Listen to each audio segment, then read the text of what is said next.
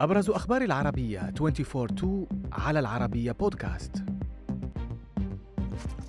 العالم يترقب محاكمة ترامب التاريخية ونيويورك تتأهب أمنيا. تقارير أمريكية البالون الصيني تجسس على مواقع حساسة. ماسك يستبدل عصفور تويتر بعملة دوج كوين المشفرة.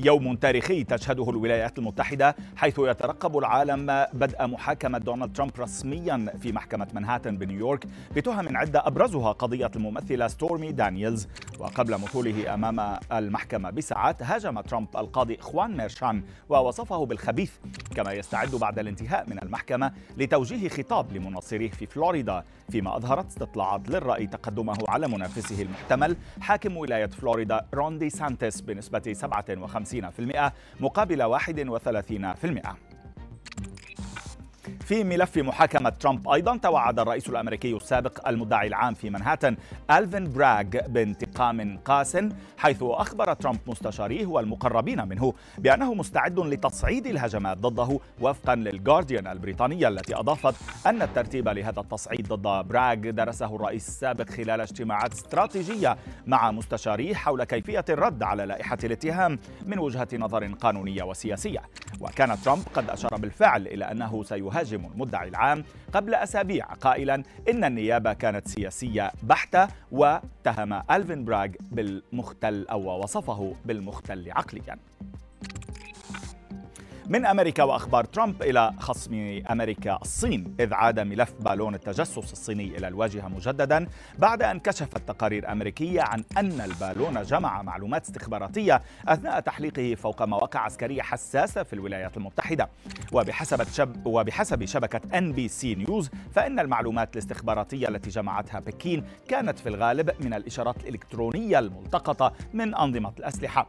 في المقابل قال البيت الأبيض إنه لا يمكنه تأكيد تقرير شبكة ان بي سي الإخبارية لكنه لفت إلى أن واشنطن حدت من قدرة البالون.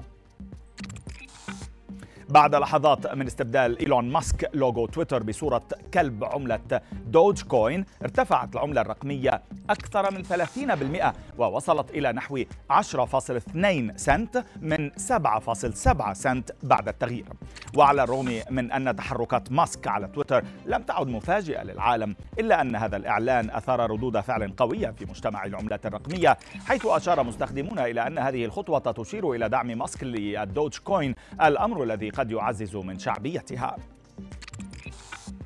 في خبرنا الأخير تحديدا من اليابان حذر آه، أحد المطاعم هناك استخدام الهواتف المحمولة أثناء التواجد بالمطعم. تقارير أفادت بأن صاحب المطعم كوتاي كاي طبق قاعدة شعبية تدعو الزبائن لتناول وجباتهم سريعا والمغادرة فورا. وذلك بعد أن لاحظ أن بعض زبائنه يتأخرون في تناول أطباقهم بسبب انشغالهم بمشاهدة الفيديوهات عبر هواتفهم المحمولة. وأكد كاي أنه لا يضع أي لافتات في مطعمه تعلن حظر استخدام الهواتف المحمولة لأنه يفضل أن يفعل ذلك بنفسه والتحدث مع كل زبون بشكل منفرد.